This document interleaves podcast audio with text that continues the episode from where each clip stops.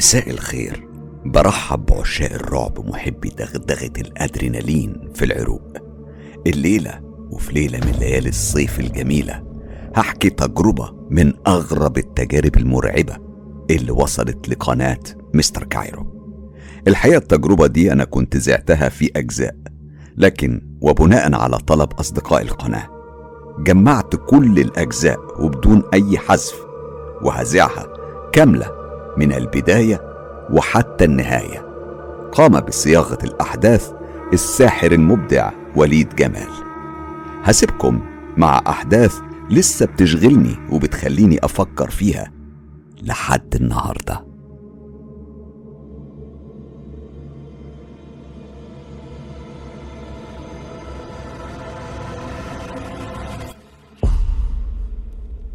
وليد بيقول أصدقائي وأهلي وأسرتي وعيلتي الكبيرة عيلة مستر كايرو المبدعين. مساكم جميل. وحشتوني جدا جدا جدا. معلش بقى أجازة وكان لابد منها علشان زي ما قال هدهد سيدنا سليمان جاءتك من سبأ بنبأ عظيم. أنا كمان جئتكم من بلاد الرافدين بنبأ عظيم. قصة متابعة من متابعين القناة لكنها مش زي أي قصة. قصة فيها خليط عجيب ما بين الماضي السحيق بكل ما فيه من غموض والحاضر بكل ما فيه من تكنولوجيا. تجربة هتنقلنا معاها لعالم تاني حقيقي عالم آخر. أنا أعتقد إن أفضل اسم للقصة دي هو وريثة عرش الأنوناكي. حرفيا الأنوناكي هم الآلهة أو الملائكة أو ملوك كوكب مردوخ اللي اتجوزت من البشر في عصور السومريين والآشوريين والبابليين. في آراء بتقول إنهم هم اللي بنوا حضارة العراق العظيمة وفي آراء بتقول إنهم مش بس كده لا دول أصل الحضارة على الكوكب كله. مقدمة لابد منها. في بنت إيطالية من سنتين تقريبا قالت إنها هي الملكة حتشبسوت. علما بإن البنت دي لا تعرف حاجة في التاريخ ولا تعرف أي حاجة عن مصر القديمة ويمكن عن إيطاليا نفسها.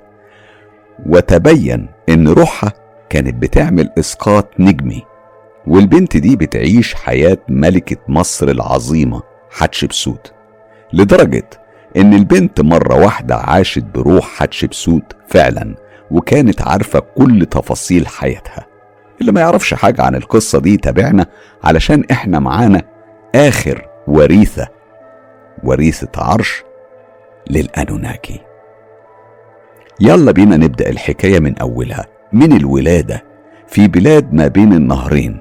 بنت الحضارة السومرية وريثة عرش الأنوناكي.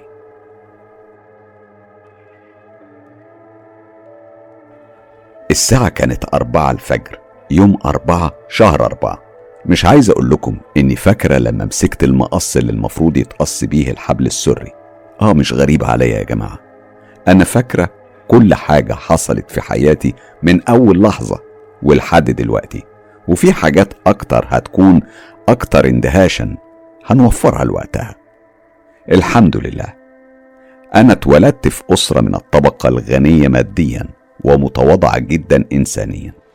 بابا دكتور وماما دكتورة. وأنا كنت أول حفيدة في العيلتين.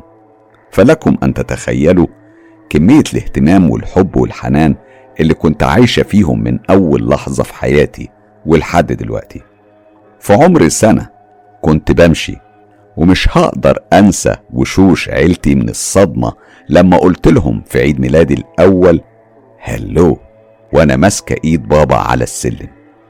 أيوة أنا اتكلمت في عمر السنة وفي عمر ست سنين كنت بقدر أحفظ وبالفعل كنت بحفظ أصعب دواوين الشعر للشاعر الكبير أحمد شوقي.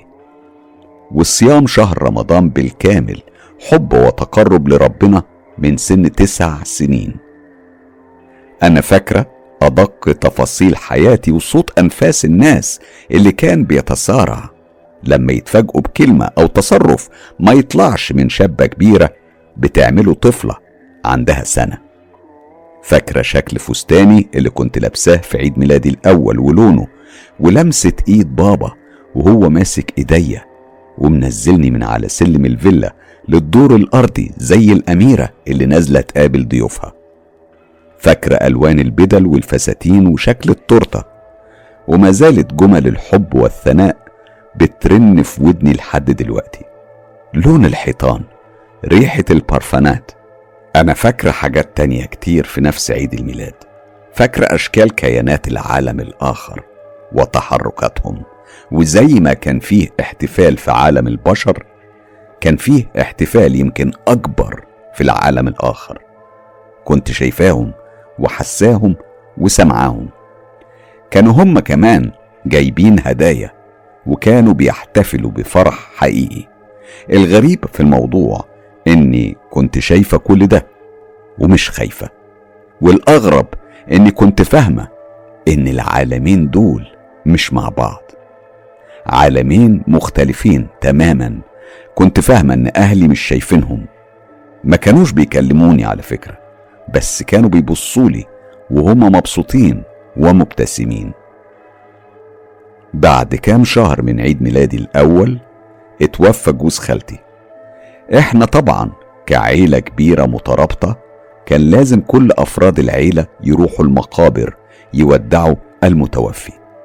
وطبعا المفروض إنهم مش بياخدوا أطفال معاهم. أنا فاكرة إني كنت بزود في العياط علشان أضغط على أمي إنها تاخدني معاها المقابر. وقد كان. مش عارفة هقدر أوصل لكم قد إيه كمية الراحة النفسية والهدوء والسكينة اللي بحس بيهم في المقابر بالذات وهي فاضية. أنا فاكرة في اليوم ده كنت بشوف سكان المقابر وهم موجودين في كل مكان. إحساس غريب جوايا.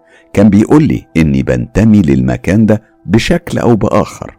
حاجة جوايا كانت بتقول إني أملك من العالم الآخر ويمكن أكتر من العالم البشري كمان.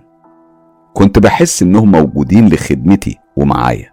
في حاجة جوايا مستريحة ليهم برغم شكلهم العجيب وبرغم اختفائهم عن كل العيون.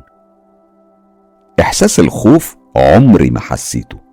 في أكتر الأماكن رعب كنت ببقى مطمنة وهادية جدا وده لفت انتباه ناس كتير نظرا لطبيعة شغل بابا وماما وعدم تواجدهم في البيت يمكن بالأيام. كان الحل الوحيد إني أعيش عند جدتي. جدتي كانت ست على قدها بس كانت بتملك من الحكمة ما لا يملكه العظماء. أعتقد إنها كانت تملك من القدرات الخفية حاجات كتير قوي.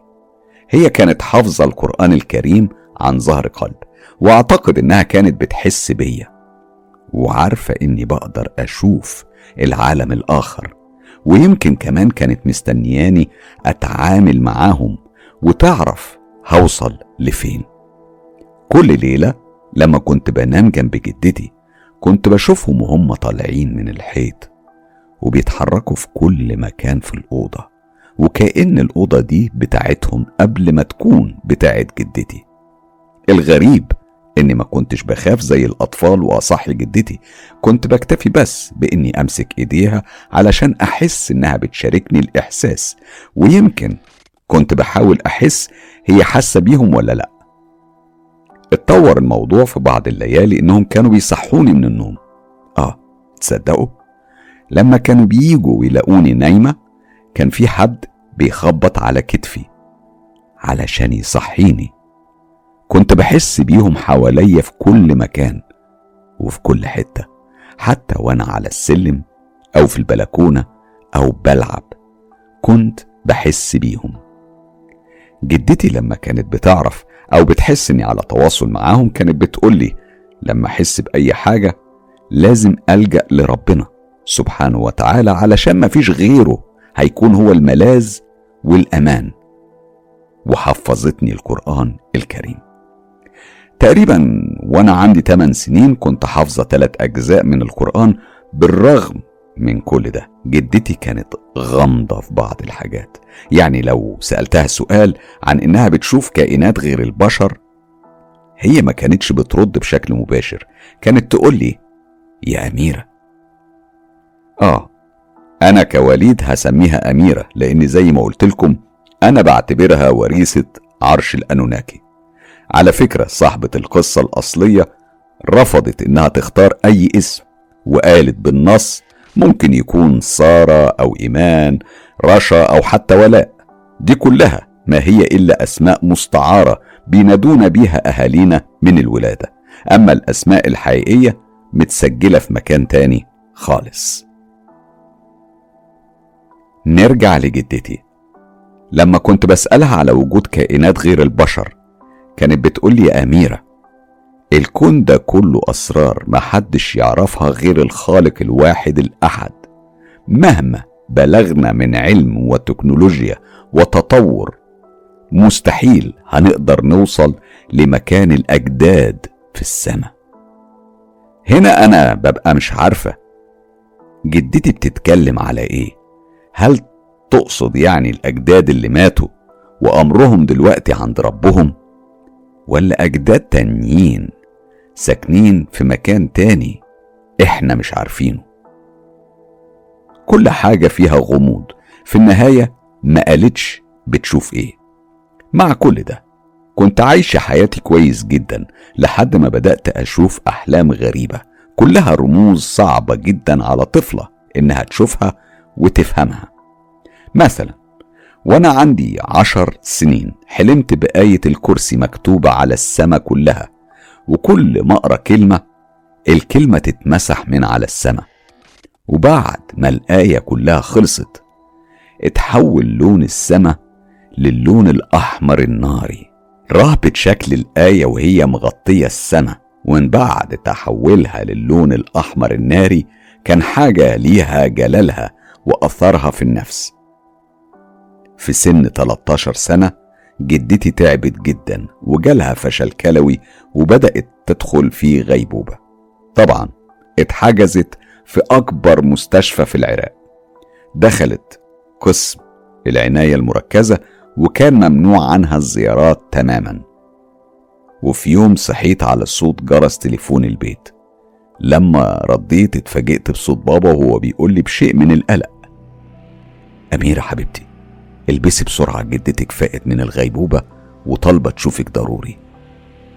بابا كمل وهو بيحاول يخبي القلق في صوته. تصدقي إن انت الوحيدة اللي طلبت إنها تشوفها؟ دي حتى ما طلبتش تشوف بنتها. هو يقصد أمي طبعا. ربع ساعة وهكون عندك تكوني لبستي يا حبيبتي ومستنياني. وفعلا بعد ربع ساعة كان بابا عندي بالعربية وما ضيعناش وقت في إننا نروح المستشفى عند جدتي واللي كان شكلها غريب جدا. برغم الغيبوبة اللي كانت فيها واللي أجزم أغلب الأطباء إنها مش هتفوق منها إلا إن وشها كان منور وكانت جميلة.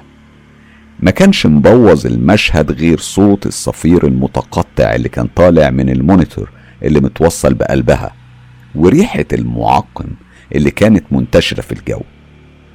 معرفش ليه برغم التفاؤل اللي كان ظاهر على وش ماما إلا إني كنت عارفة إن دي آخر دقايق في حياة جدتي. لما وقفت قدام سريرها في الرعاية المركزة ماما قالت بصوت فيه كتير من الفرح ماما ماما اصحي أميرة وصلت. فتحت جدتي عينيها بتثاقل كبير ولما عينيها جت في عينيا وشفت فيهم الموت نفسه. ابتسمت هي ابتسامة الوداع وحولت عينيها لبابا وهي بتقول له خلي بالك من أميرة يا عاصم. أميرة مش زي أي حد.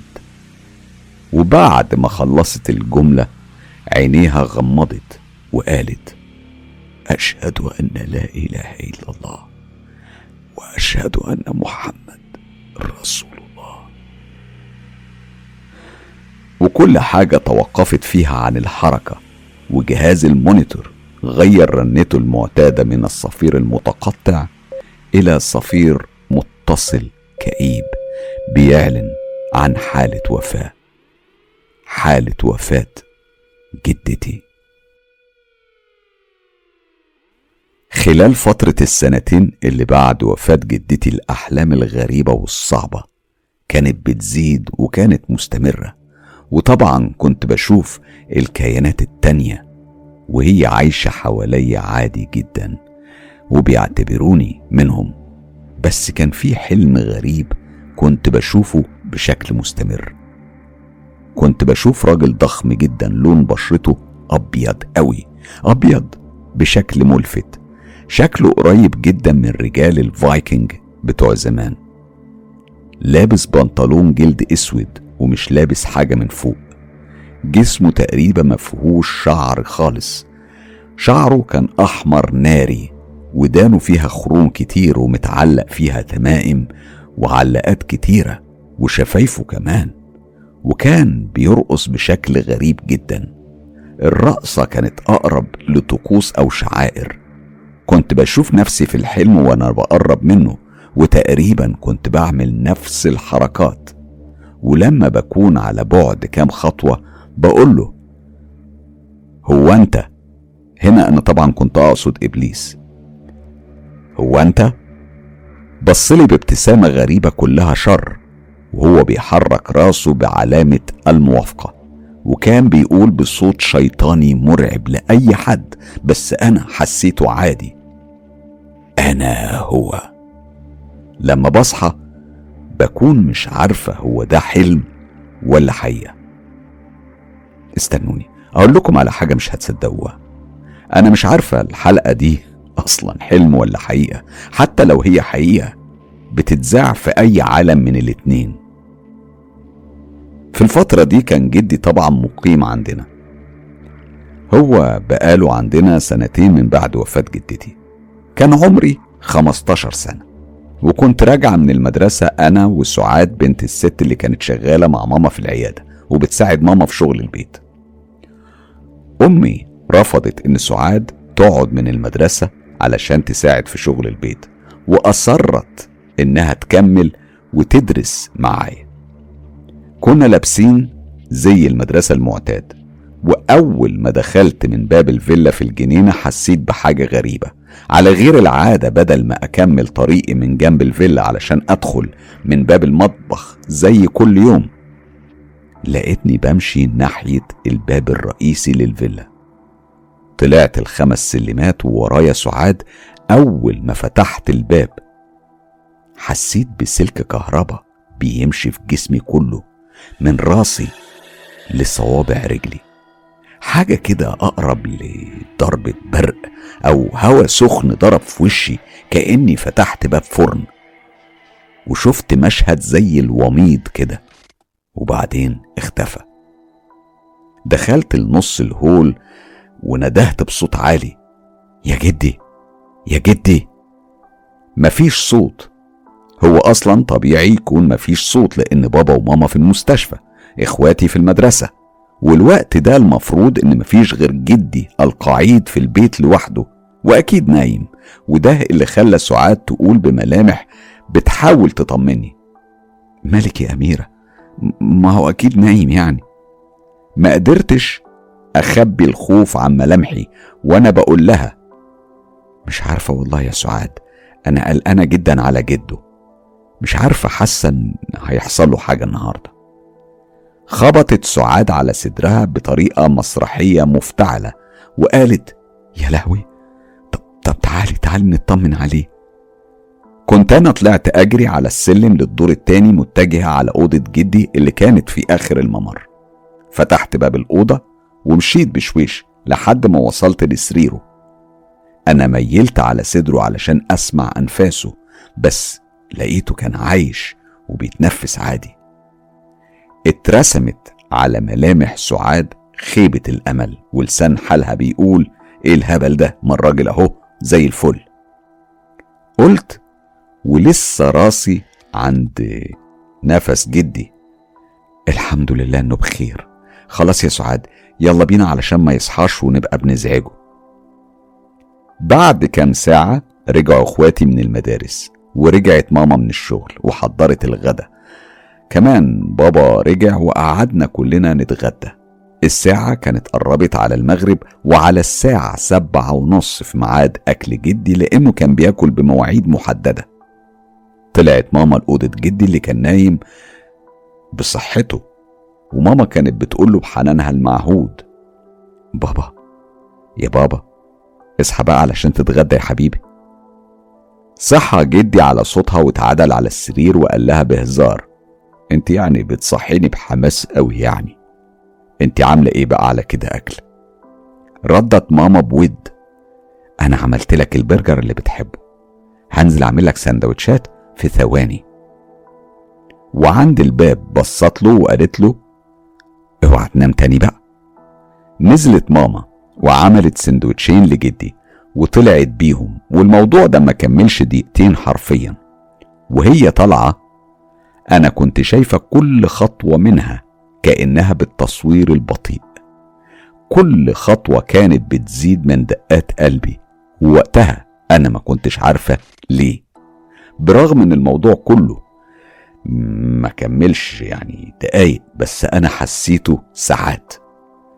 بعد كام ثانية سمعنا صوت جاي من فوق من أوضة جدي. وبين الأصوات اللي كانت مسموعة من فوق كانت ماما بتنادي على بابا. طلعنا نجري كلنا ومش عارفين إيه اللي حصل لكن أنا الوحيدة اللي كنت عارفة إيه اللي حصل. جدي مات. كان قاعد نفس القعدة اللي أمي سابته عليها بس راسه نازلة على صدره ومفيش نفس. تم تحديد سبب الوفاة بسكتة قلبية مفاجأة. وده معناه إن ما كانش فيه أي سبب حقيقي للوفاة غير إن القلب توقف عن العمل وفجأة وحط تحت فجأة مليون خط.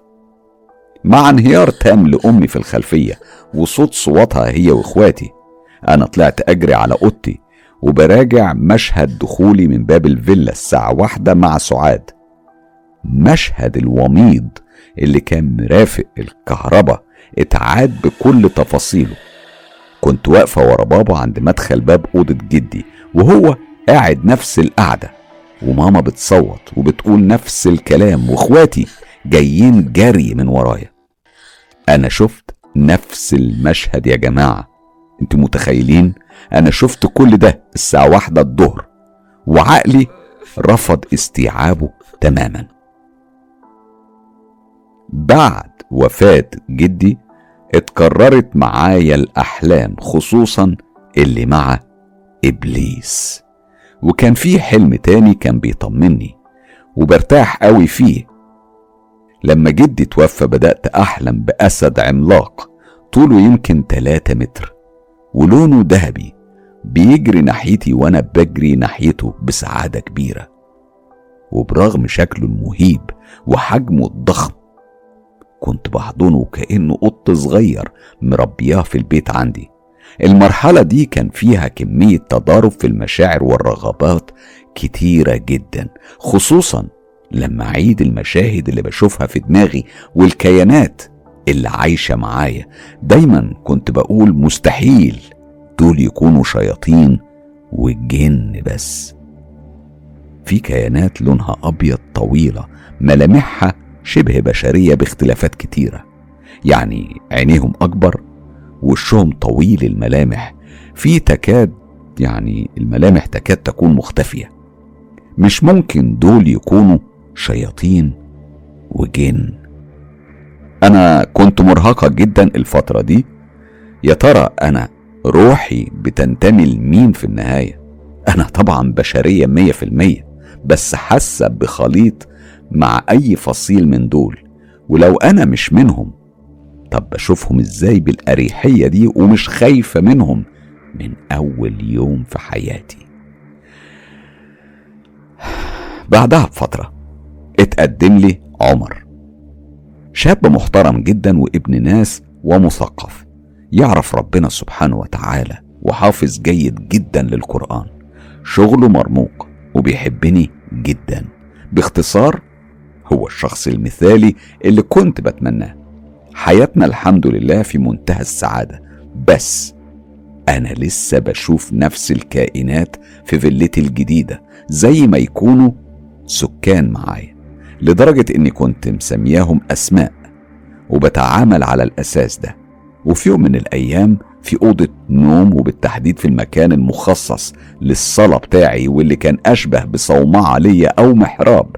وكالعادة أنا متعودة إن حد من الكيانات دي بيصحيني على آذان الفجر علشان أصليه حاضر. وفعلا حد صحاني فقعدت على السرير بحاول أفتح عيوني وفي ضوء القمر اللي كان بدر يوميها شفت ظهر اتنين رجالة قاعدين على السجادة بتاعتي. ظهرهم كان ليا وكأنهم بيصلوا عكس القبلة.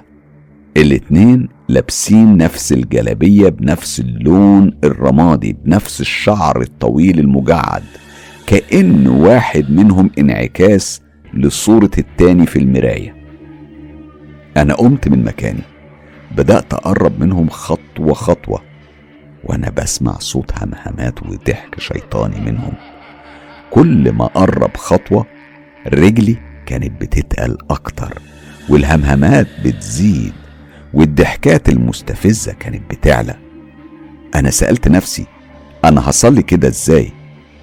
في نفس اللحظة اللي لفوا فيها راسهم الاتنين 180 درجة وكأنها راس بوم عيونهم كانت كبيرة جدا على حجم الراس ده. جحظة لبرة أما جلدهم فكان أبيض شاحب أملس وبابتسامة شيطانية واصلة تقريبا من الودن للودن. قالوا هو أنت أصلا هتقدري تصلي تاني؟ اتسمرت في مكاني فضلت أستعيذ منهم بالله فبدأوا يختفوا شوية شوية لكن صوت ضحكهم كان بيعلى. من اليوم ده وأنا بقيت بخاف أصلي على السجادة في نفس المكان كنت بحس إن أنفاسهم ورايا لدرجة إنه بيلمس ظهري مباشره. السجود بالنسبة لي كان مأساة. تخيلوا إنكم بتصلوا في معبد للشيطان نفسه. تخيلوا لما السجود يكون مرعب للدرجة دي. في نفس اليوم شفت حاجة غريبة جدا. أعتقد إني كنت صاحية. أنا الفترة دي من كتر اللخبطة ما بقتش متأكدة اللي بيحصل ده في الحلم ولا في الحقيقة. المهم أنا شفت نفسي لابسة لبس غريب وكأنه لبس أثري لملكة أو أميرة من العصور السحيقة وبجري في ممر كبير جنب سور قصر ضخم جدا. معرفش إزاي كنت عارفة إن ده قصر الملك شلكي ابن أورنمو أعظم ملك في الحضارة السومرية.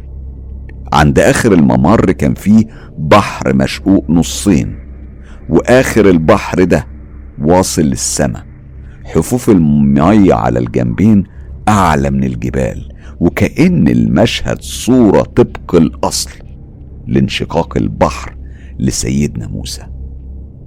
من الرهبة أنا رجعت جري تاني في نفس الممر وفي آخر الممر تحول المشهد لوجود هاوية جبل مرعبة وكأن ملهاش نهاية في العمق. قدام الهاوية دي كان في بوابة كانت مفتوحة بس مش واضح وراها كان فيه إيه. كانت مظلمة تماما وعلى باب البوابة كان فيه جسمين متجسدين على شكل بشع أعتقد دول أكيد حراس البوابة. جسم إنسان وله راس شيطان قبيح بأنياب كبيرة وله أجنحة ضخمة والإيد والرجلين بمخالب أسد وديل عقرب. ثواني أنا عارفة اسم الشيء البشع ده. ده بازوزو شيطان السومريين. مش عارفة أقدر أوصل لكم شعوري إزاي دلوقتي. تخيلوا أنا لازم أعدي البوابة دي على الأقل وبعدين أقدر أحدد مدى الخطر اللي بيهدد حياتي.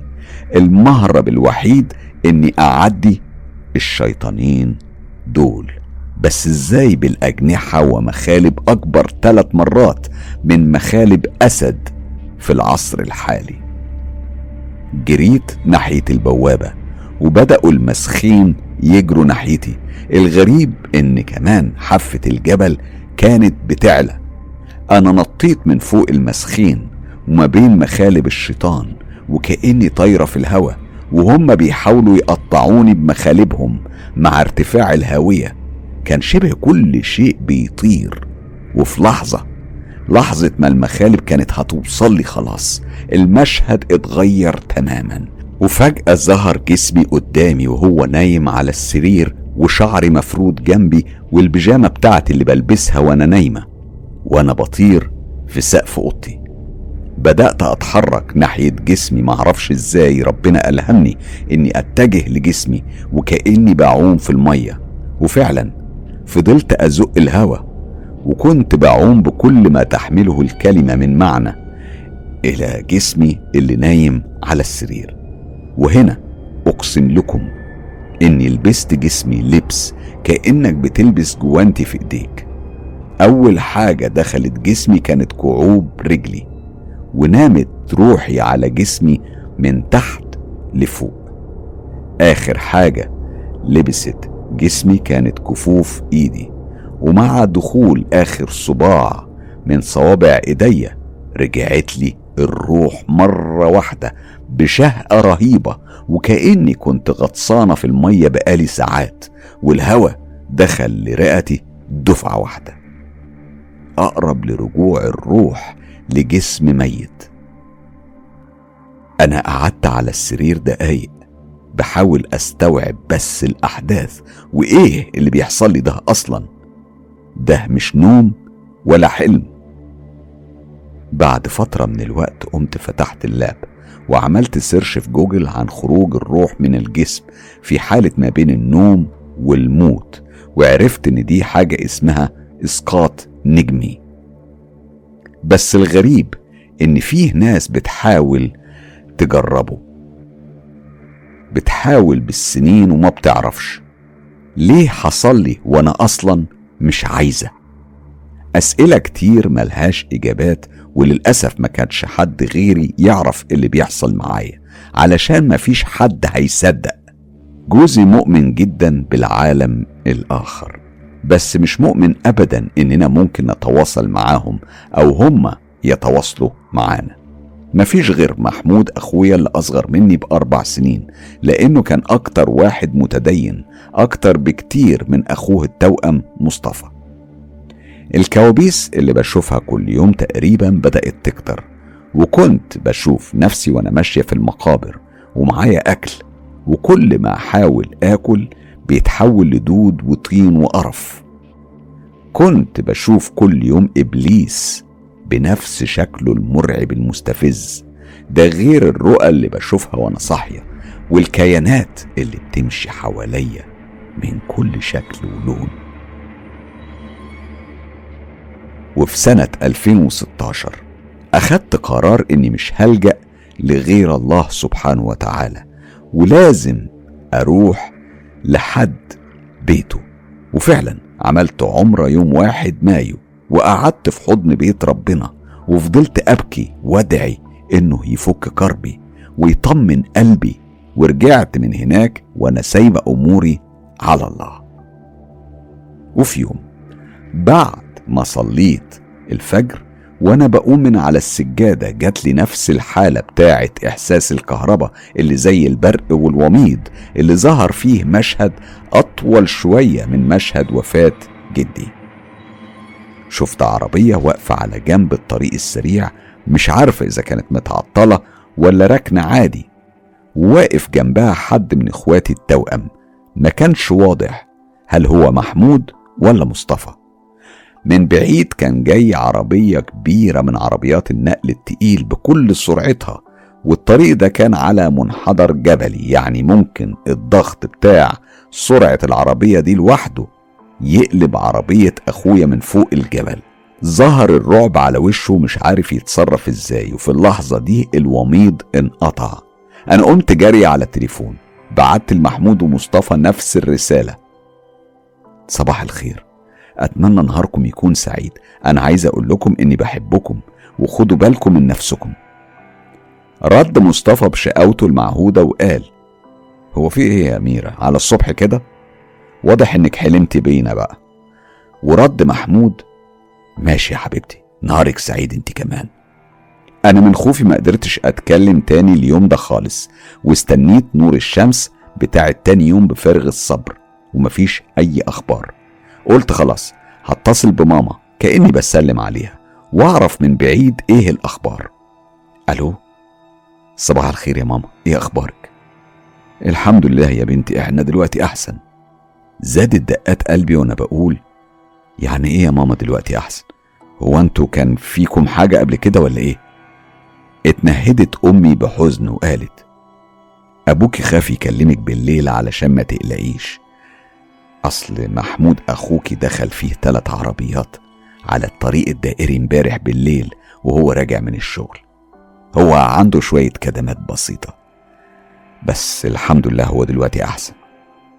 إزاي بس يا أمي حادثة بثلاث عربيات؟ ردت أمي وكأنها مش عايزة تشرح تفاصيل أبدا. يا بنتي سواق عربية نقل كبيرة نام وهو سايق. دخل في ثلاث عربيات راكنين على جنب الطريق. عربية أخوكي كانت واحدة منهم. كان بيحصل معايا الأحداث دي يوميا. كل يوم بشوف أحداث وبتحصل في نفس اليوم أو تاني يوم. وكل يوم أحلام غريبة. وروحي بتروح لأماكن أغرب ولا كأني عايشة فيلم سينما مرعب شغال 24 ساعة ومش عايز يخلص. مفيش وقت للراحة الذهنية بالمرة. كان جوزي كل يوم يقول لي ها بقى يا قلبي يومنا فيه النهاردة. كان بيقولها وهو مبتسم وكانت بتترسم ملامح الحزن على وشي وأقول له أنت يعني شايف الموضوع سهل وبسيط زي ما أنت متخيل كده؟ عارف يعني إيه تكون عارف اللي ممكن يحصل لأعز الناس في حياتك ومش قادر تتكلم؟ طيب عارف يعني إيه ما تقدرش تفصل لو ساعة واحدة عن التفكير والرؤى؟ كان بياخدني في حضنه بحنان ويقول لي يا حبيبتي يا حبيبتي انت ربنا اداكي هبة. حاولي تستغليها في مساعدة الناس. وكمان حاولي تطوري منها لو تقدري. طوعيها ليكي وتسيطري عليها. محدش عارف ربنا اداكي الهبة دي ليه. محدش هيعرف غيره. فبلاش الحزن ده. انت أكيد قدها. حالتي النفسية كانت بتسوء جدا لدرجة إني ما كنتش بقدر أصحى أصلي الفجر حاضر كالعادة. عدى يوم والتاني. وفي اليوم التالت وأنا نايمة لقيت حد بيصحيني زي كل يوم الشخص الخفي لو فاكرينه. زي اليومين اللي فاتوا قلت هنام ومش هقدر أقوم. بس المرة دي كان في إصرار إني أقوم لدرجة إني حسيت إن في شخصين كل واحد بيرفع جسمي من ناحية وبيقوموني من على السرير. فتحت عينيا لقيت تلات ستات لون بشرتهم أبيض ناصع. ملامح الوش مش باينة أو مطموسة شوية. في مكان لتجويف البق مش كبير وعيون صغيرة ومسحوبة بالعرض. شوية يعني حجمهم كان طويل ورفيعين جدا. كانوا شايليني فعلا وبطريقة غريبة ومش عارفة إزاي سمعتهم بيقولولي بقالك تلات أيام مش بتصلي معانا. هو إيه اللي حصل عشان توصلي لكده؟ التعب ما يضيعش منك الفجر تلات أيام ورا بعض. وصلنا لسجادة الصلاة فسابوني وسجدوا هما. وأنا من غير كلام رحت على الحمام اللي في أوضتي واتوضيت. ورجعت. كان المكان فاضي. صليت الفجر وقمت علشان أنام. فردت ظهري على السرير. طبعا صعب النوم بعد المشهد ده أو على الأقل مش هيكون بسهولة. بعد لحظات كانت روحي بتخرج وبتطير في السقف قبل ما يتغير المشهد وتكون رجعت تاني عند باب قصر الملك شولكي ابن أورنو أنا بحس إني بنتمي للمكان ده بشكل أو بآخر. مش معقول كمية المودة اللي بحسها للمكان وللقصر دي تكون من فراغ. روحي كانت ما زالت طايرة في السماء. أنا اترعبت لما لقيت لسه الحراس اللي على شكل الشيطان بازوزو واقفين على باب القصر. المرة دي حافة الجبل ما كانتش بتعلى. أنا اترعبت لما شفت جسمي مرمي على الأرض على بعد حوالي 300 متر من البوابة وبيجري عليها الحراس.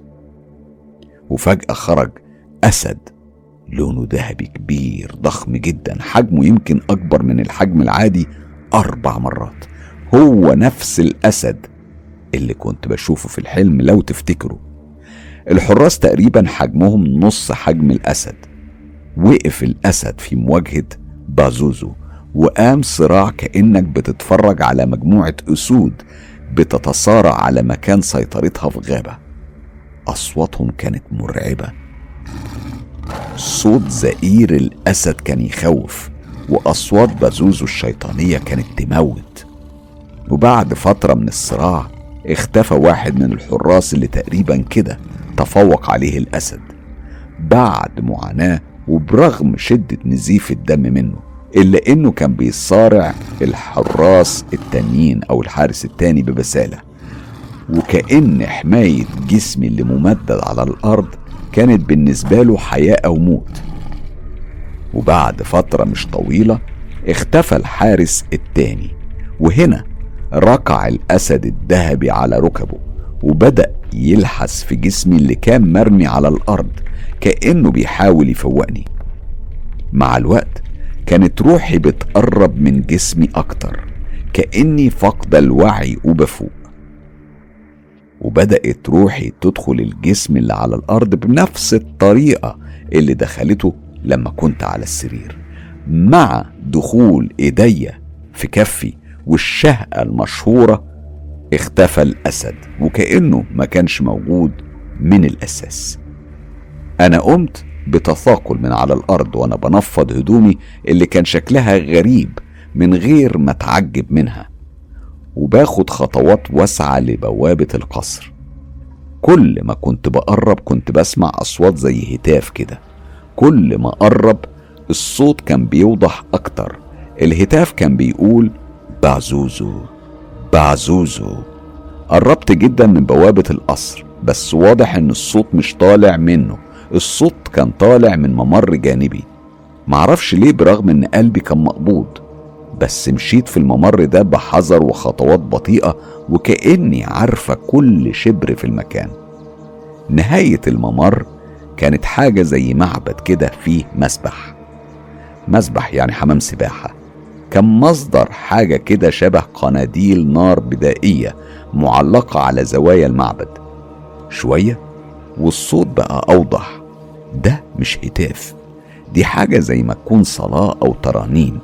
صوت أجش وعميق ومرعب بيقول بلغة عجيبة جدا. بس أنا كنت فهماها الإله بازوزو العظيم. امنحني القوة والسحر والسلطة. وأنا سأمنحك أرواح الكثيرين. الإله بازوزو العظيم امنح لخادمك المطيع السلطان واحصد بعدها الأرواح. الشخص اللي كان بيقول الكلام ده كان جسمه ضخم نوعا ما وكان راكع قدام تمثال صورة طبق الأصل من الحراس اللي كانوا على البوابة. مادد إيديه قدامه اللي كان لونها أحمر كأنه لابس جوانتي وحاطط على كتفه عباية بحجم ستارة كبيرة لونها أسود كأنه بيحاول يرسم لوحة مرعبة متكاملة الأركان. الكلام ده في وسط دايرة حمرة كبيرة مكتوب فيها رموز وكلام كتير باللون الأحمر. نفس لون إيد الشخص ده. واضح إنه ممكن يكون حبر. استنوا كده لا ده مش حبر ده دم. لما قربت وشميت ريحة الدم كانت واضحة جدا. ما كانش فيه نجوم خماسية ولا حاجة.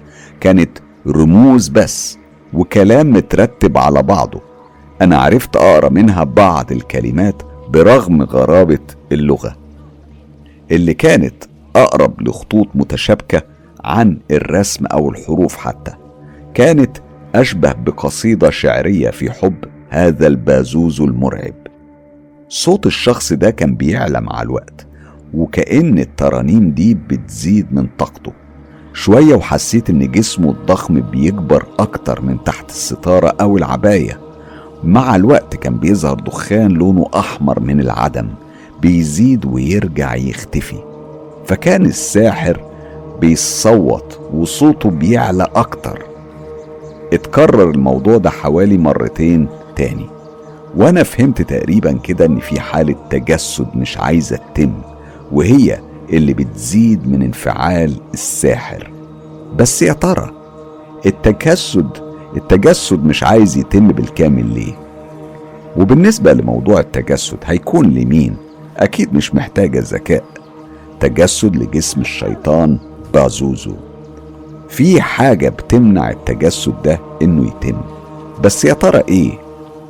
أنا ما استنتش كتير علشان تجيلي الإجابة من نظرة شيطانية بعيون حمرة بلون الدم من الشيطان اللي بيظهر في أحلامي في نفس اللحظة اللي طرحت فيها السؤال على نفسي. هو نفس الشخص اللي عرفني على نفسه بإنه إبليس.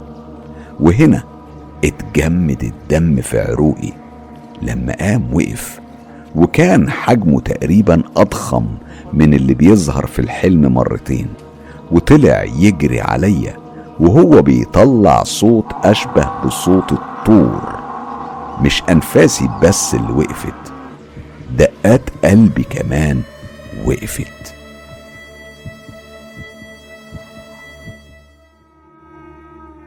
العين التالتة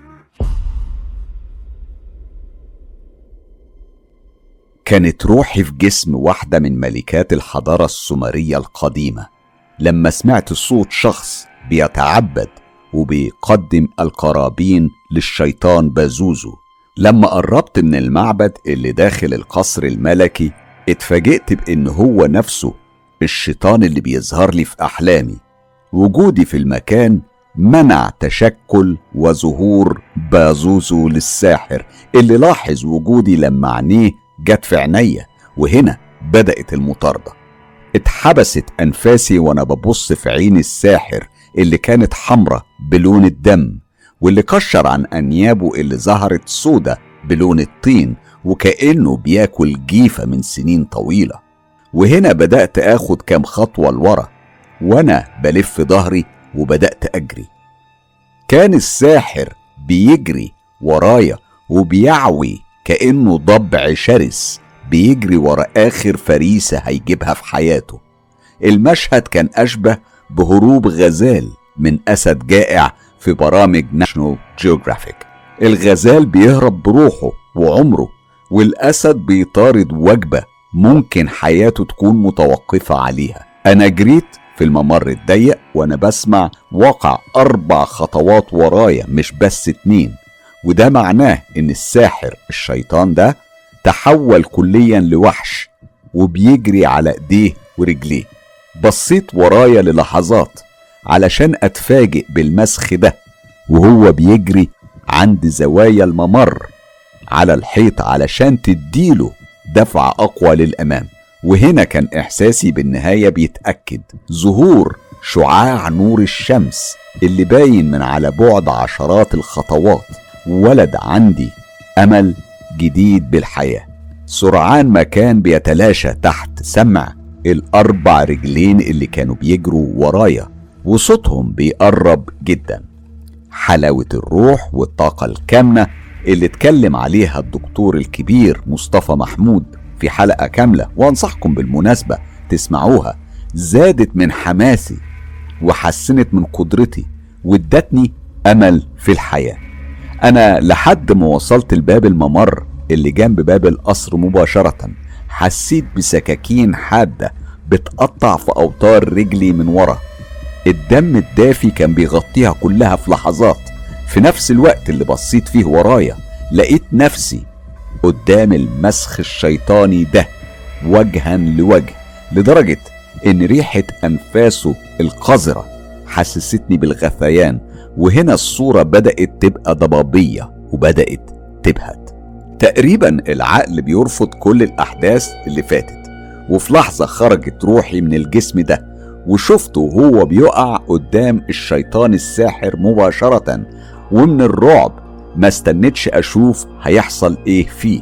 أنا طرت بأسرع ما أكون عند أبعد نقطة أقدر أوصل لها كأني لسه بهرب من مطاردة المسخ ده.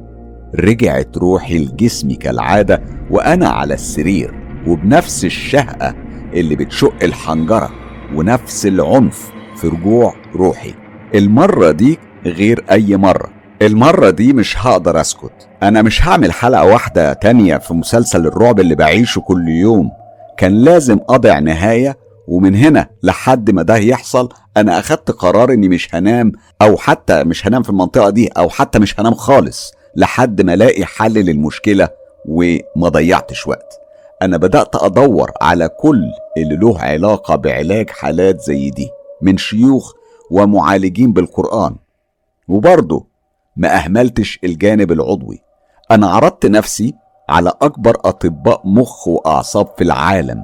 وبعد ما عملت الأشعة والتحاليل وكل المخططات بتاعة طب المخ والأعصاب الطب قال كلمته أنا سليمة عضويا بنسبة 100% في نفس الوقت ده كنت بعرض نفسي كمان على الطب النفسي علشان ما ضيعش وقت وبعد جلسات وكلام كتير مش هدخلكم فيه. الطب النفسي كمان قال مفيش أي أو أي سبب نفسي ممكن يسبب لي أي حاجة من دي. مفيش غير شوية قلق علشان أنا بهتم جدا إن حياتي وحياة جوزي وأولادي وشغلي تكون مثالية وده عادي جدا لشخصية بتسعى للنجاح الدائم وملهوش أي علاقة باللي بيحصل معايا.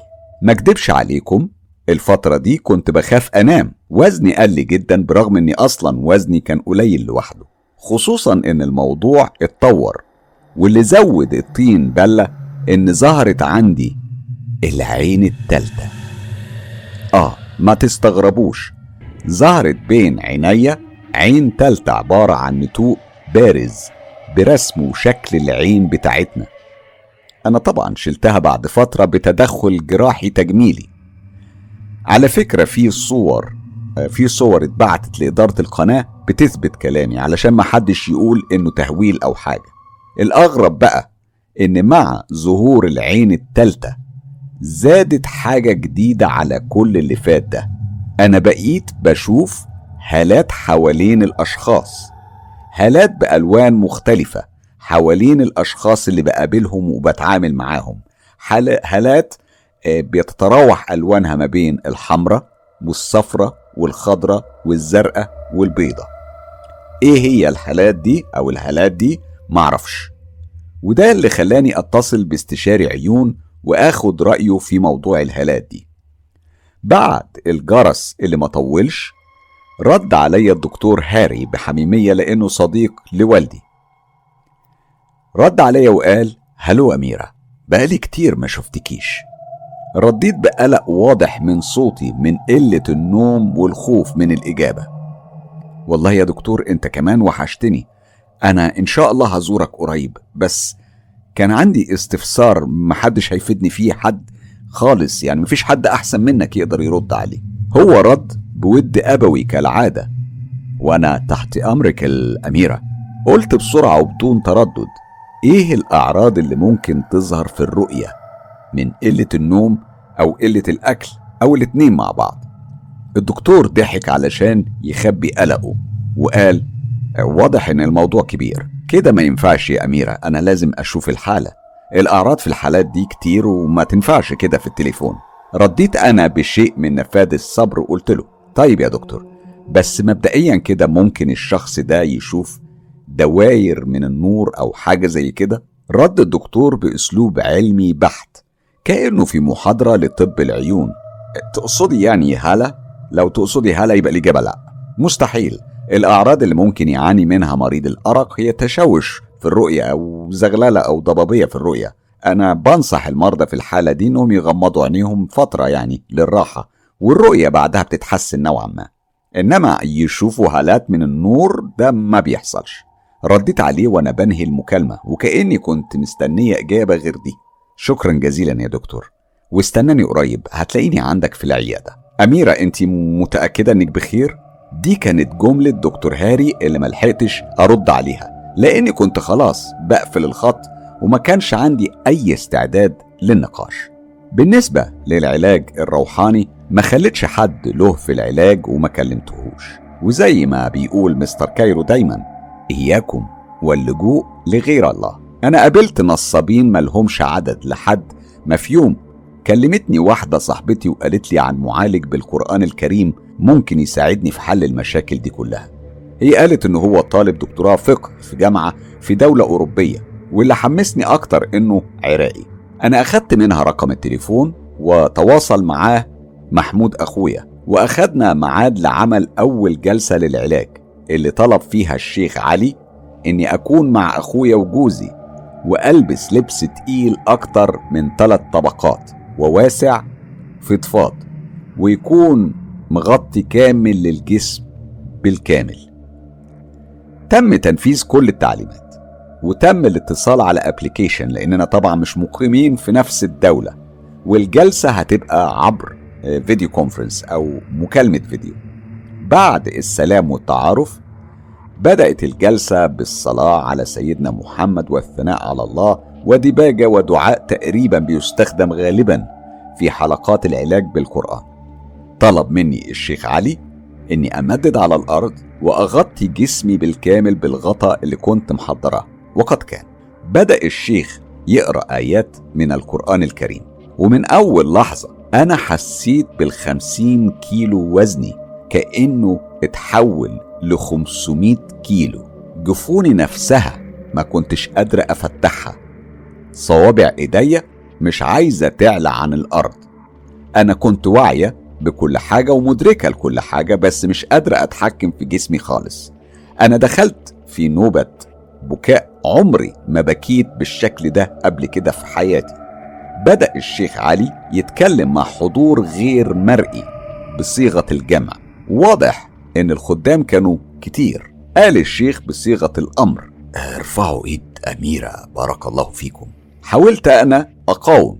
حاولت أقاوم فعلا. بس كل ما كنت بقاوم إيديا كانت بتعلى أكتر وكأني بحاول المساعدة مش العكس يعني.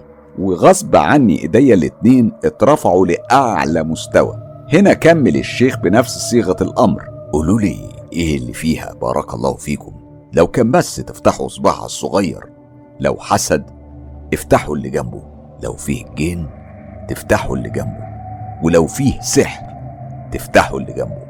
وبرغم المقاومة اللي حاولت أقاومها إلا إن صوابع إيديا بدأت تتفتح بالترتيب اللي قاله. وصباع صباع. ما كنتش قادرة أبطل بكاء ومش قادرة أتحكم في أي حاجة في جسمي لدرجة إني حسيت بالمفاجأة في نبرة الصوت الشيخ يعني الشيخ علي وهو بيقول بتوتر ملحوظ ما قدرش إن هو يخبيه. بارك الله فيكم.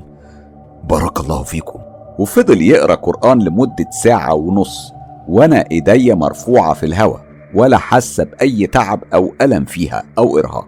كأنها مش إيديا بكل ما تحمله الكلمة من معنى لحد ما وصل لسورة الصافات. وبعدها سورة الرحمن. حسيت إن العمود الفقري اتحول فجأة للوح خشب. بدأ جسمي يعلى من على الأرض. برغم إني كنت مغمضة عينيا بس حسيت بنظرات الرعب والقلق والتوتر على وش سيف ومحمود وبدأ ظهري يتقوس لتحت ونفسي كان بيتكتم وكانت بتطلع مني همهمات وحشرجة أقرب للاختناق. رعبتني أنا شخصيا. وهنا سمعنا صوت شهقة مفاجأة من شخص على الناحية التانية من الكاميرا وكان صوت واحدة ست.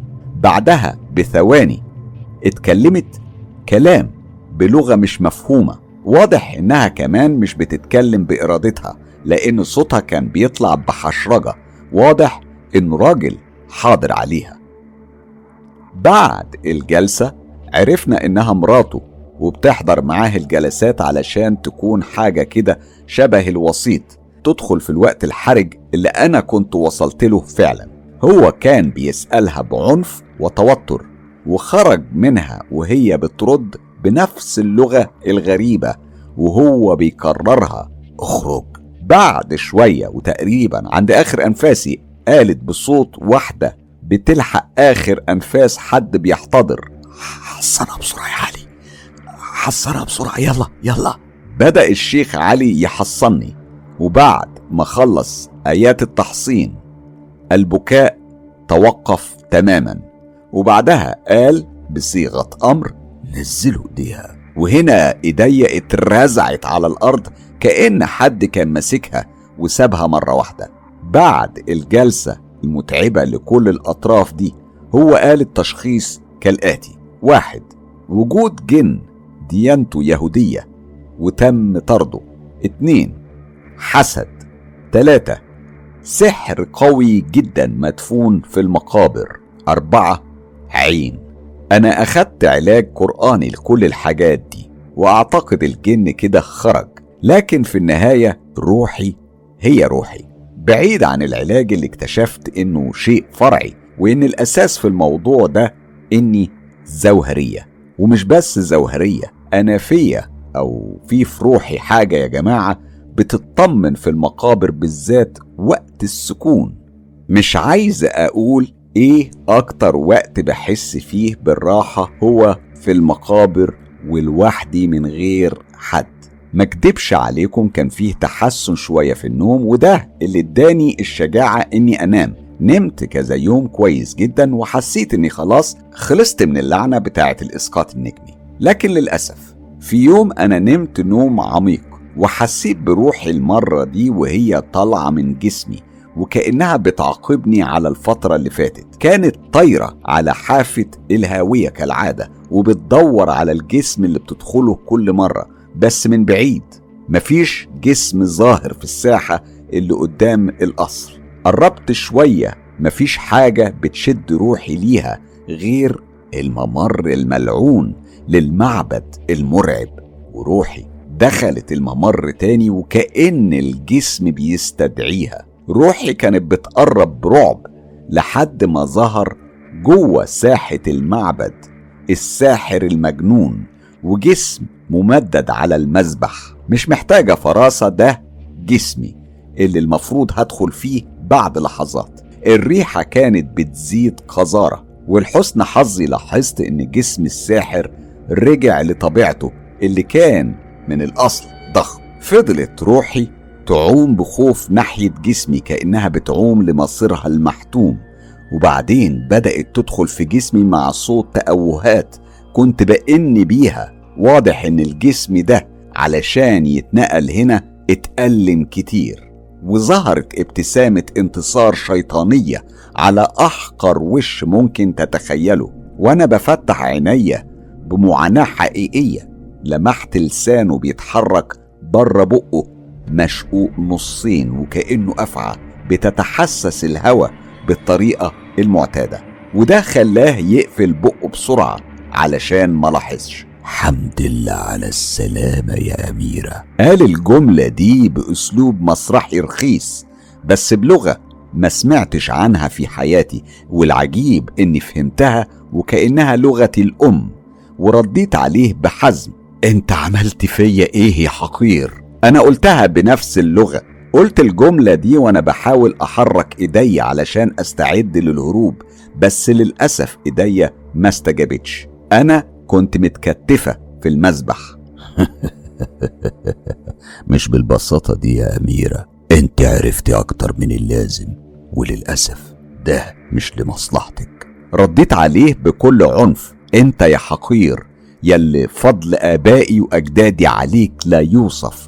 وعينوك كبير الكهنة بتتآمر على الملك والآلهة باتحاد روحك مع الشيطان بازوزو. هو ابتسم بسماجة كالعادة وقال يا أميرة للوصول إلى سر الأنوناكي والسلطة والمعرفة اللي توصل إلى سلطة ومعرفة الآلهة. كله يهون روحي وروحك وروح الملك نفسه. لابد من ضحايا علشان أوصل لمصاف الآلهة. قرب وشه من وشي وركز عينيه في عينيا وهو بيقول وما افتكرش إن التمن لو كان أرواحكم هيكون غالي. ابتسم بسخرية وهو بيكمل. صحيح أنت هتعرفي معاناة الفقراء منين وأنت أميرة من الولادة.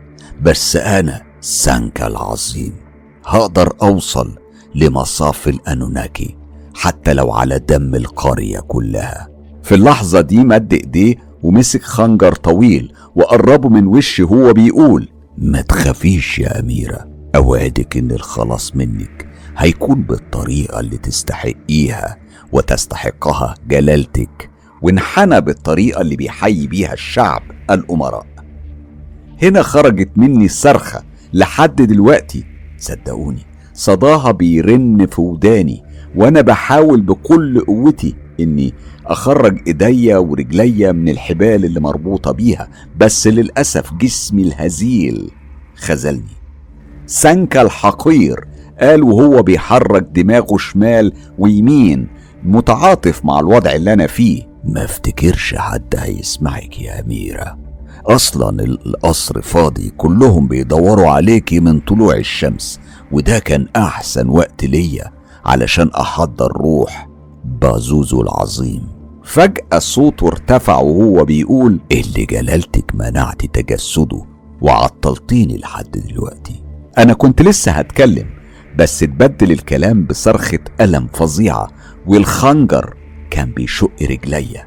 في الوقت اللي كان هو بيمد إيديه جوه كيس أسود من قماش وبيطلع منه أفعى حجمها متوسط وبيقربها منه وهو بيقول لها وكأنهم أصحاب ساعديني يا صديقتي على توحيد روحك مع روح الأميرة ريخان. قرب وش الأفعى من وشي وأنا لسه بصوت من الألم اللي زاد عليها الفزع من اقتراب الأفعى للدرجة دي مني وده اللي خلاه يضحك ضحكة شيطانية ترضي غروره. فجأة طارت رأس الأفعى مع شلال من الدم اللي غرق وشي كله. ما كنتش محتاجة وقت كتير علشان أفهم إن الحقير ده قطع رأس الأفعى بس ليه؟ وهيعمل إيه تاني؟ الإجابة جاتني بسرعة وهو بيحاول يفتح بقي بإيديه التانية بكل قوة وطبعا كان الموضوع سهل جدا بالنسبة له وكان بيقرب دم الأفعى علشان أشربه في نفس اللحظة اللي كان بيتجسد فيها نفس الدخان الأحمر اللي كان بيتشكل قبل كده اللي كان معناه حضور بعزوزو وفجأة اترسمت كل ملامح الهلع على وشه ولسانه. لسانه كان بيخرج من مكانه وبيمتد لمسافة 25 سنتي على الأقل مع ظهور الشق اللي كان بيحاول يخفيه وهو بيحارب الكون كله علشان يقدر يتنفس. واضح إن فيه قوة خفية كانت بتشده من لسانه بكل قوة. فبدأ يرجع دم زفر لونه أسود على وشي. أنا عافرت كتير علشان أفضل بوعي بس للأسف آخر حاجة شفتها وروحي بتخرج من جسمي لون وشه اللي كان أزرق من قلة الأكسجين. لحظات وترنح جسمه قبل ما يترمى على الأرض جنبي. فاقد الوعي زي بالظبط. المرة دي في رجوع الروح لجسمي اللي اتنفض وهز السرير كله مع صوت الشهقة اللي شق سكون الليل والمفروض صح أهل الشارع كلهم. صحى السيف مفزوع وهو بيبسمل وبيقول خير يا حبيبتي إيه اللي حصل؟ أنا ما قدرتش بصراحة أنطق بكلمة ودخلت في نوبة بكاء هستيري. حضني السيف وحاول يهديني والليلة دي إحنا الاتنين ما كملناش نوم. فضلنا صاحيين للصبح. على بعد الظهر اتصل بيا سيف يطمن عليا. صوتي ما كانش محتاج أي أسئلة. هو كان واضح. أنا هقولك على مفاجأة هتعجبك جدا. دي كانت جملة سيف اللي قدر بيها يشد انتباهي. أنا قلت له بصوت مطفي يا ريت والله يا سيف. يا ريت تحصل أي حاجة تغير الوضع اللي أنا فيه ده. رد سيف بحماس. أنا كلمت أنور وجيهان النهاردة. دول طبعا أصحاب العمر. واتفقت معاهم إننا هنسافر بعد بكرة لبنان نغير جو.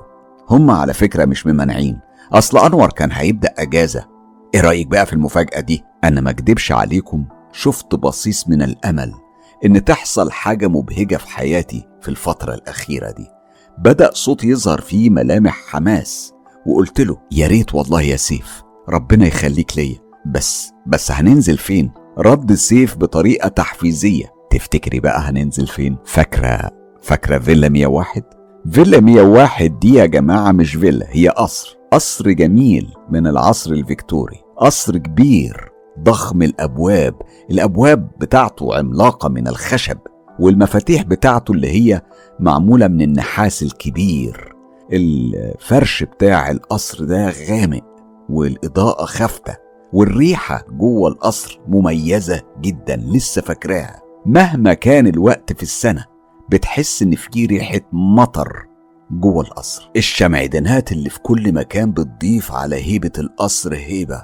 باختصار لو دراكولا عايش ما كانش هيلاقي أنسب من القصر ده للعيشة فيه. مش عارفة يعني هل يا ترى علشان كده أنا بحس فيه بالراحة؟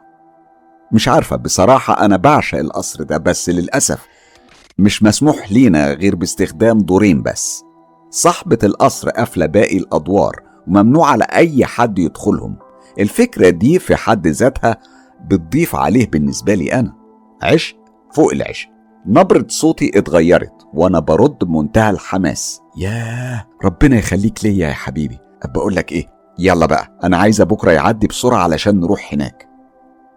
رحلة الوصول مع سيف وبنتي سارة وأنور وجيهان أصدقاء العمر كانت جميلة. إحنا وصلنا. وقعدنا مع الست صاحبة القصر اللي كانت عارفانا كويس قوي. هي ست بيضة وشها مدور وشعرها أبيض بلون التلج. شعرها قصير شبه curly. الزمن كان راسم خريطة من التجاعيد على وشها. هي رحبت بينا من قلبها وأقسمت إننا لازم نتغدى مع بعض في فيلتها اللي هي قريبة جدا من القصر. وده بيخلينا نسأل سؤال مهم.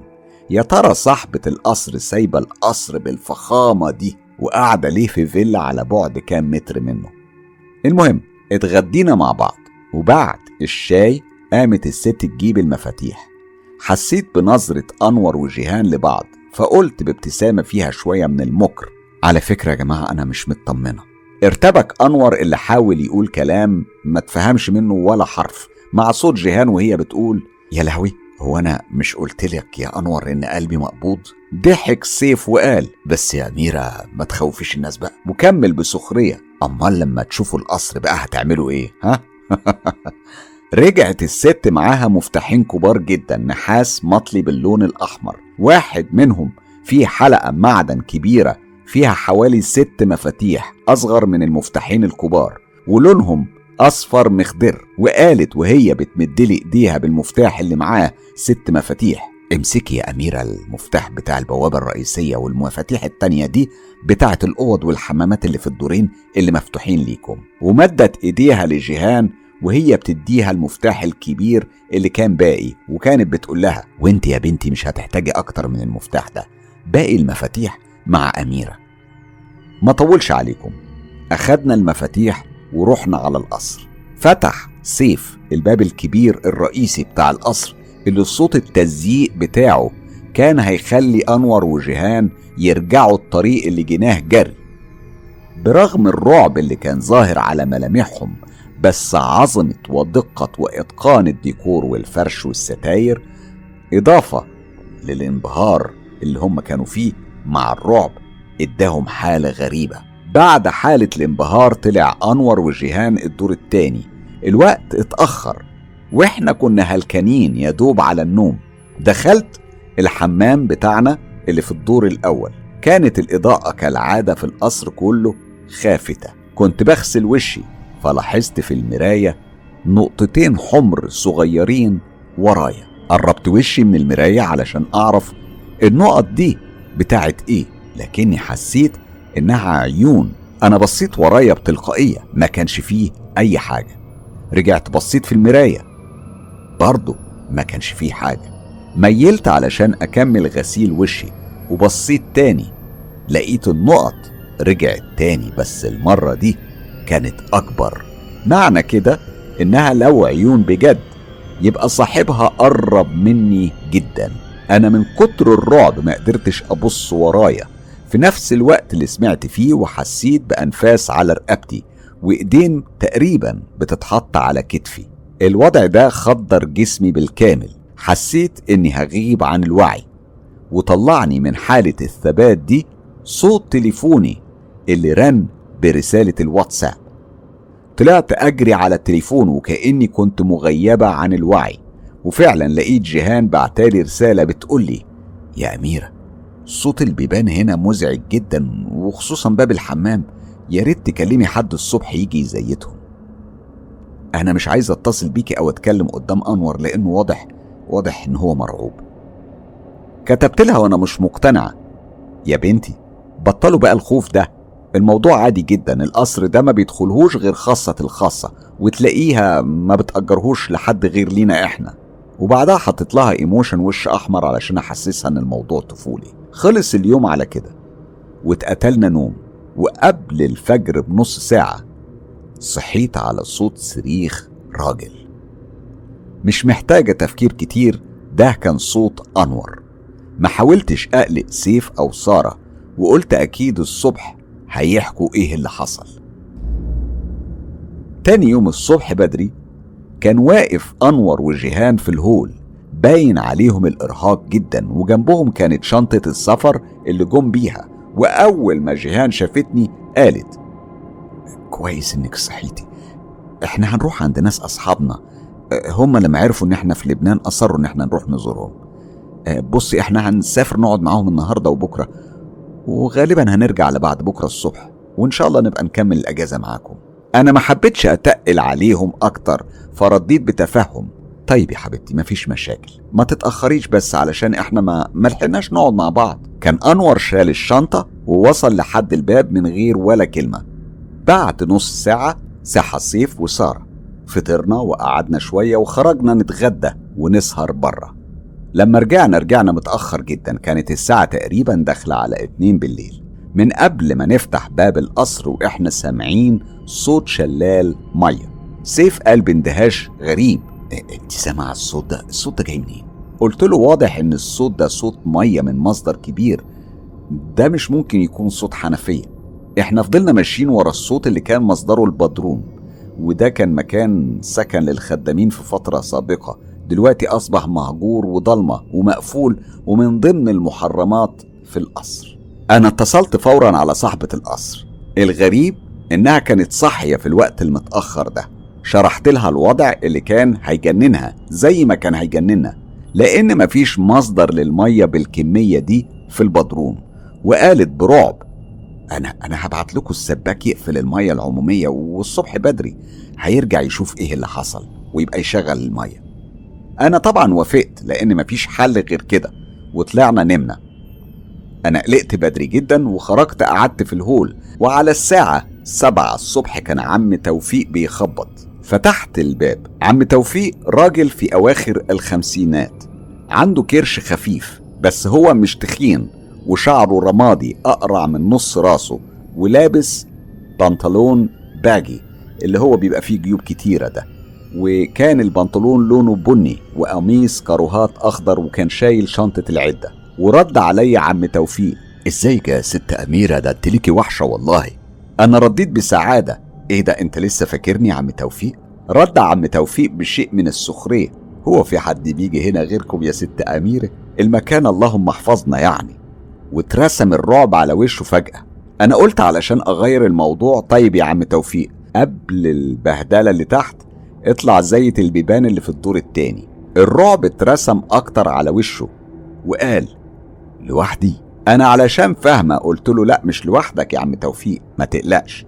أنا هطلع معاك. طلعنا الدور التاني فدخلت أقعد في الأوضة الماستر اللي على الجنينة وكنت سامعاه بيزيق في البيبان بره. شوية ولقيت سيف داخل الأوضة وقال لي بتعملي إيه هنا يا اميره قلت له اللي حصل من ساعة وصول عم توفيق لحد اللحظة دي. لقيته بيقول لي توفيق توفيق إيه يا أميرة؟ مفيش حد بره. قلت له إزاي بس؟ ده من نص ساعة البيبان بتزيق وهو بيزيتها وفي اللحظة دي ظهر توفيق بينهج وعلامات الرعب على وشه. سيف بصله بتساؤل أنت كنت فين يا عم توفيق؟ بلع توفيق ريقه وقال أنا كنت تحت عند البدروم. بصوا إحنا لازم نمشي حالا من هنا. أنا رديت باستنكار إزاي يعني؟ أنا مش قلت لك تزيت البيبان وأنت شغال فيها بقالك نص ساعة أنا سامعاك. رد توفيق والضيق بيظهر على وشه أكتر. ازيت البيبان إزاي؟ وأنا مش معايا زيت أصلا يا ست أمير. قلت له أمال مين؟ هنا سمعنا صوت الأوضة بيترزع علينا جوه وصوت تكات القفل بتتقفل علينا. إحنا قلنا أكيد ده أنور وجيهان بيهزروا هزار سخيف ودي كانت فكرة سيف اللي كان بيحاول يطمنا بيها. أنا قلت بهدوء عجيب لا يا سيف ما يلحقوش يرجعوا وعلى العموم أهو. كان تليفوني معايا اتصلت بجيهان اللي ردت عليا من مكان مفتوح وصوتها واضح عليه الراحة. صباح الخير. رديت أنا بحزم. أنتوا عاملين إيه يا جيهان؟ وفينكم كده؟ جيهان ردت بنبرة فيها قلق مختلفة عن السعادة اللي كانت فيها. إحنا على البحر يا أميرة مع أصحابنا. زي ما قلتلك أنا قلت لها علشان أنهي المكالمة. طيب يا حبيبتي ما تتأخروش علينا بقى. أميرة. أ- أميرة في إيه يا أميرة مالك؟ رديت بحنان. مفيش يا جيهان أنا بس زهقانة شوية. قفلت معاها من غير سلام لأني لاحظت عم توفيق كان خلاص قرب يموت من الرعب. فقال يمكن الست الصغيرة. واضح إنه نسى اسم سارة. أنا رديت بحزم. مستحيل. لأن المفاتيح اللي بتقفل البيبان كلها معايا. معايا أنا. وأنا شايلاهم في مكان محدش يعرفه غيري. عم توفيق بدأ يبكي من الخوف.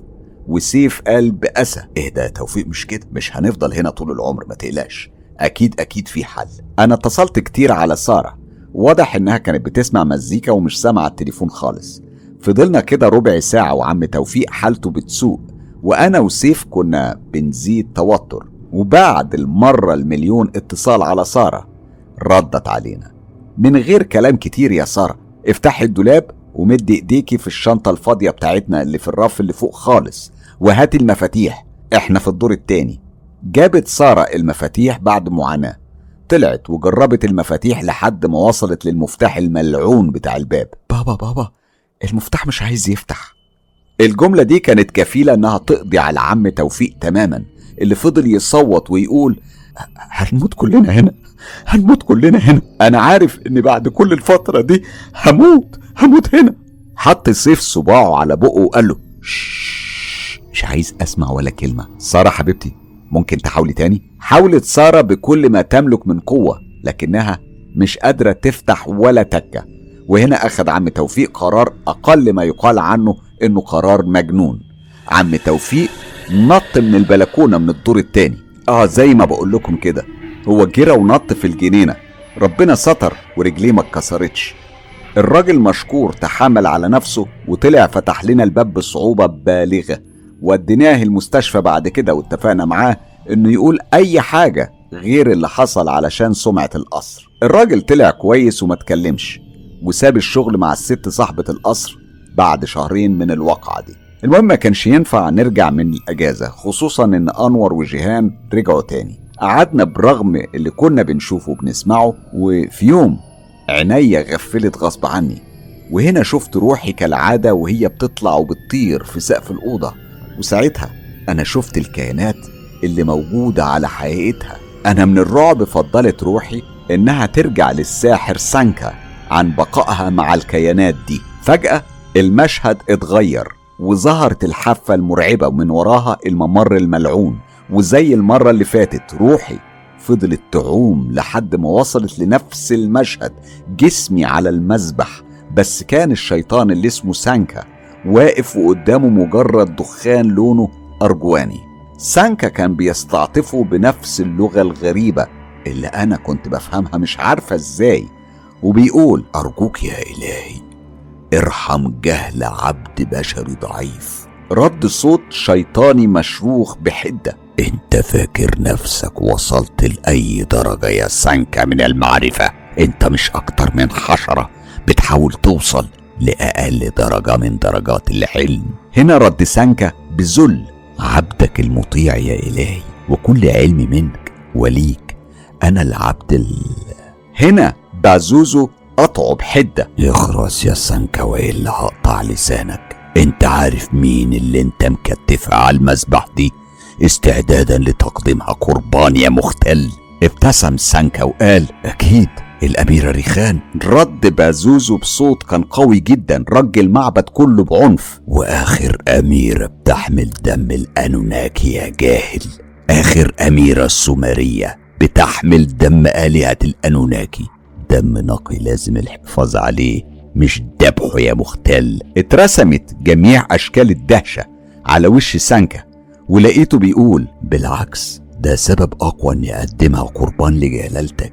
بازوزو رد عليه بعنف دمها يقضي علينا في مجرد التفكير في إراقته يا حقير. سانكا رد عليه بصوت مرعوب طيب هنعمل إيه يا مولاي بقى على القربان؟ القربان فاضل عليها روح. بازوزو رد عليه بفارغ صبر. القصر مليان ستات ورجالة يا سانكا. اختار منهم بنت جميلة هتوفي بالغرض. بعدها ضحك ضحكة شريرة وقال وانت مش هتغلب في استدراج واحدة منهم لمعبدك الملعون. وفعلا خرج سانكا ما تأخرش غير كام دقيقة ورجع معاه بنت واضح إنه على علاقة بيها. أول ما دخلت المعبد وشافتني كانت هتصوت. في نفس اللحظة اللي كتم سانكا فيها صوتها وبالإيد التانية فتح إزازة صغيرة وأول ما فتحها البنت فقدت الوعي. ما استناش سانكا عليها وطلع من الكيس القماش أفعى تانية وحط وشه في وشها وقال الآن ستتحرر روحك لتتحد مع روح سفران العذراء. قربانا لروح الإله بازوزو العظيم وقرب الأفعى من وش البنت وقطع راسها وفتح بق البنت بالإيد التانية وشربها دم الأفعى في نفس اللحظة اللي فضل جسم البنت بيتنفض وشوية يتشنج بدأ يطلع منها صوت حشرجة الموت. في لحظة كل أعضاء الضحية استنفرت وقامت عينيها مبرقة وشبه ما بتتنفسش. بدأت الحشرجة تعلى والبنت كانت بتقف على ايديها ورجليها وعروق جسمها كانت بدأت تتحول للون الأزرق. عينيها لونها بقى أصفر قاتم وظهر شق العين بالطول. شوية وصوت الحشرجة ده تحول لصوت فحيح مخيف. لون العروق اتحول للون الأسود وشوية والجلد اتحول لحراشف شبه حراشف التعبان. وبدأ سانكا يملس عليها. الفحيح كان بيعلى وشوية شوية بيتحول وبتتحول البنت الأفعى ضخمة ولسه سانكا بيحسس عليها كأنها حيوان أليف. أكيد أنا لو كنت عايشة وروحي في جسمي كنت مت مليون مرة. يا بزوزو العظيم أتضرع إليك بكل إيمان وخشوع. أرجوك احميني من بطش الأميرة والملك شولكي بعد رجوعه. صوت ضحكة شيطانية عالية. رنت في المكان. وقال بازوزو وأحميك منهم إزاي يا سانكا؟ أنت أكيد اتجننت. آخر نصيحة لسانكا كلبي المطيع. قصدي يعني عبدي المطيع. أنت هتاخد جسم الأميرة ريخان ترميه قدام باب القصر وهتهرب من هنا فورا على جزيرة ديفار. اتلجلج لسان سانكا وهو بيحاول ينطق الاسم تاني وقال ديفار دي فين الجزيرة دي رد بازوزو بسخرية. مش بقولك جاهل. جزيرة ديفار في الهند يا سانكا. ليا هناك عبيد كتير زيك. وهتلاقي معاهم شغل كتير هيعجبك. وانت هناك هتقيم شعائر كتيرة. وهتستنى ظهور روح المخلص. رد سانكا. مين المخلص يا مولاي؟ ضحك سانكا وقال المخلص هو من يحمل سر حرف الدال. لحد هنا وخلصت قصة أميرة لحد دلوقتي. أنا أعتقد الأيام اللي جاية ممكن يكون فيها جديد مع أميرة. أكيد هبلغكم بيه أول بأول لو تحبوا. تجربة غريبة. بشكر وليد جمال على إعادة الصياغة للتجربة اللي دخلتني ونقلتني في أجواء غريبة أجواء أسطورية. عالم مش عارف أقول عالم موازي لعالمنا ولا عالم مختلف. عالم جديد فريد مدهش ممتع مخيف ومرعب. لكني بكل تأكيد استمتعت بكل حرف في التجربة دي. بشكر أميرة على إنها شاركتنا بتجربتها والتفاصيل اللي عاشتها وبشكر وليد جمال على إعادة الصياغة. الجميل. ليه تشترك في قناة مستر كايرو؟ علشان توصلك آخر المعلومات اللي ممكن تفيدك وتحميك من عالم السحر والسحرة وكمان علشان تكون ملم بعالم الجن والعوالم الغامضة اللي بتشاركنا حياتنا. لو عندكم تجارب حقيقية وحصلت بالفعل ليكم أو لحد من أصحابكم وحابين تشاركوا بيها أصدقاء مستر كايرو ابعتوا التجارب على الصفحة الرسمية للإعلامي حسام مصباح على موقع التواصل الاجتماعي فيسبوك أو على موقع الصراحة أو تطبيق تليجرام كل الروابط دي هتلاقوها على فكرة موجودة هنا في خانة الوصف. وللحصول على كل الحصريات انضموا ل group تجربة رعب Mr. Cairo على فيسبوك. وكمان هناك هتلاقوا صفحة هستيريا قصص رعب. ولو حابب تدعم تجربة Mr. Cairo ادعموا بالاشتراك في القناة والإعجاب بالكليب. طبعا لو عجبكم و share الكليب في كل مكان. WhatsApp Messenger Instagram وأخيرا يوتيوب. خلي الدنيا كلها تعيش تجربة مستر كايرو.